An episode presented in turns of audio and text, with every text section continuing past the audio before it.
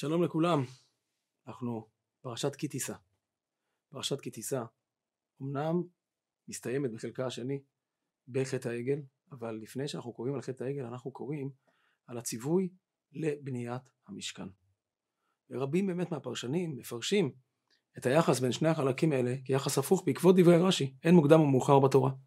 אין מוקדם ומאוחר בתורה, ולכן באמת פרשת המשכן, ככה מבינים, שמתרחשת וכתובה בעצם הציווי לבנות המשכן, כתוב לפני חטא העגל, אבל בעצם הוא שייך לאחרי חטא העגל. המשכן הוא תיקון לחטא העגל. בתוך פרשת המשכן, בתוך הציווי על בניית המשכן, אנחנו שומעים פעם נוספת ממשה רבינו, רגע לפני הבנייה, ציווי על שמירת שבת. משה רבנו אומר לבני ישראל לשמור את השבת, ובאיזשהו מקום יש קשר בין שמירת השבת הזאת, שמצווה כחלק מהתהליך של בניית המשכן. אנחנו נדבר היום על שתי הערות של המאור בשמש, על המקום הזה, המקודש של פרשת השבת, בתוך המשכן, וגם ביחס לחטא העגל. אז בראש ובראשונה אומר לנו המאור בשמש, השבת מהווה מודל למה שעם ישראל צריך להשיג בבניית המשכן. בניית המשכן אמורה להשלים איזשהו חזון, חלום, של הקדוש ברוך הוא בבריאת שמיים וארץ. הקדוש ברוך הוא בורא עולם כדי לשרות בתוכו, כדי להופיע בתוכו. אבל יש איזשהו קצר, האדם לא מצליח להביא את הייעוד הזה לגילוי שלם. את הייעוד הזה שבו הבריאה חיה, סופגת לתוכה עולם רוחני, עולם של משמעות, עולם של עומק, בתוך עניינים מעשיים. היכולת שלנו לשקוע בתוך עניינים מעשיים, לאבד בתוכם את הכיוון, לאבד בתוכם את הריכוז, היא חלק ממה שהופך את העולם המעשי לעולם שמאוד משתלט לנו על החיים. שבת מהווה דוגמה לזה שיכול להיות משהו אחר.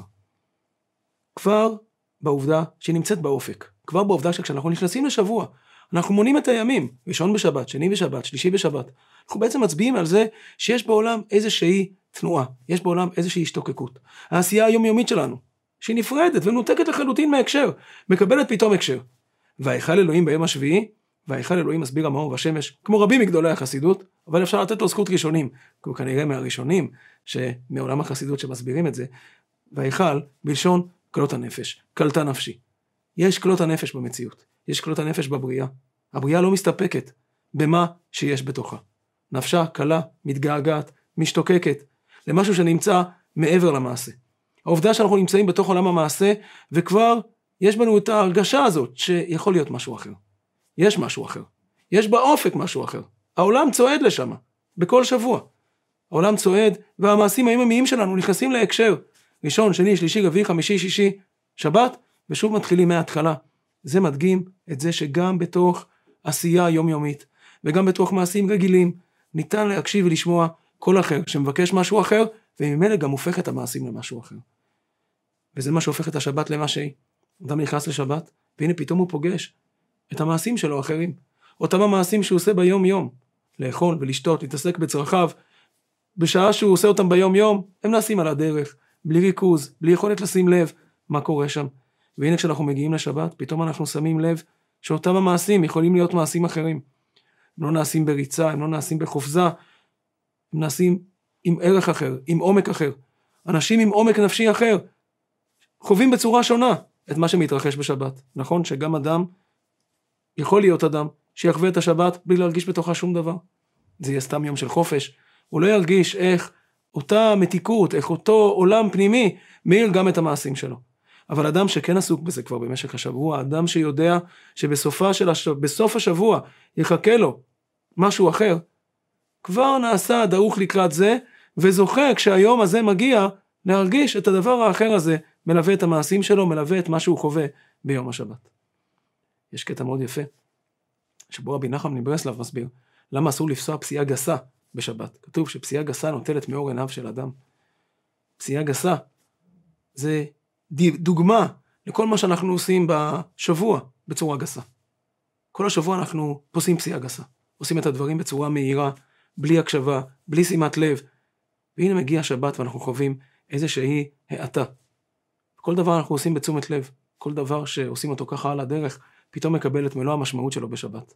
ואנחנו פוגשים שבתוך המעשים היומיומיים יש עומק, יש קדושה. כיוון שפגשנו שיש עומק, נוכל לגלות גם עוד רבדים ועוד עמקים של קדושה. הציווי הזה מגיע רגע לפני בניית המשכן, כדי לסמן לנו מה יכול להיות בעולם, מה אפשר למצוא בעולם? מטרת המשכן היא לקחת את כל החלקים מהעולם הזה ולהגיד, ניתן לבנות בתוך העולם הזה משהו אחר, משהו עם עומק, משהו עם משמעות, משהו עם רוח. תראו את השבת, אומר הקדוש ברוך הוא לעם ישראל. שם אתם מרגישים דבר כזה? כיוון שאתם מרגישים דבר כזה, תדעו מה לחפש, גם כשאתם הולכים לבנות את המשכן. ואתם תצליחו, כי הדבר הזה באמת ישנו בתוך המציאות. בהקשר הזה, אפשר לומר, השבת ממחישה לנו את מה שניתן לעשות ולתקן בתוך עולם מעשי. ניתן להיות בו ולא ליפול לתוכו. אבל, מערוב השמש מציע עוד משמעות. למה נמצאת השבת רגע בתורה לפני חטא העגל, אבל באמת בעומק, כמו שהוא הסביר את זה, כמו שהוא רואה את סדר הפרשות, למה נמצאת השבת רגע אחר חטא העגל? השבת והמשכן. השבת והמשכן, אומר המאור והשמש, משלימים שני תיקונים לחטא העגל. בחטא העגל עם ישראל עובד עבודה זרה. קודם כל במישור המעשי. יש שם התנדבות אדירה. עם ישראל מתנדב את ממונו. התיאורים תיאורים מצמררים. איך כל אחד עושה את הכל בשביל להביא כמה שיותר נדבות אל המשכן, אלא אל חטא העגל, להבדיל, אל העגל. איך עם ישראל עם כל האנרגיות שלו חוגג מסביב לעגל.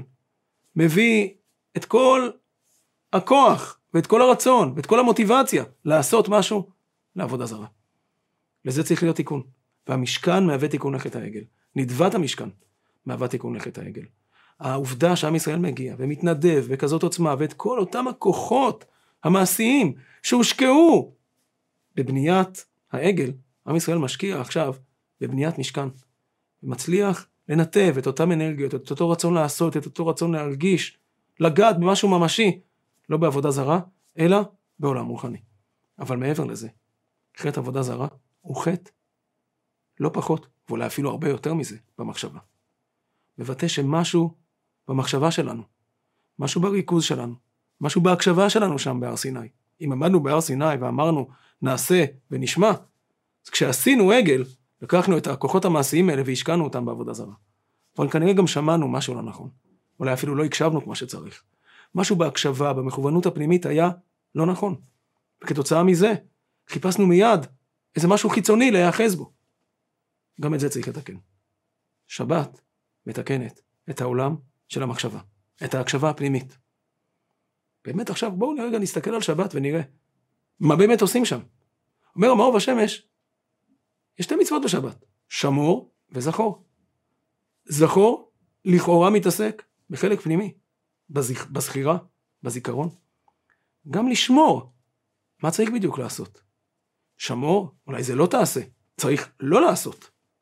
שמור זה גם להמתין, לצפות, ואביו שמר את הדבר. גם, גם המילה שמור, גם המילה זכור, מבטאות איזושהי דריכות פנימית. ריכוז, מכוונות, שבשבת מתרחשת. בעוד שכל השבוע אדם עסוק בעשייה, ששת ימים תעשה מלאכה, יש ציווי לעשות, לפעול, להתפזר, לפזר את המכוונות שלנו. כשאדם עסוק בעשייה, משהו באמת יוצא ממנו החוצה, אל האזורים החיצוניים בנפש. אבל בשבת אנחנו בתנועה של התכנסות, בתנועה של ריכוז.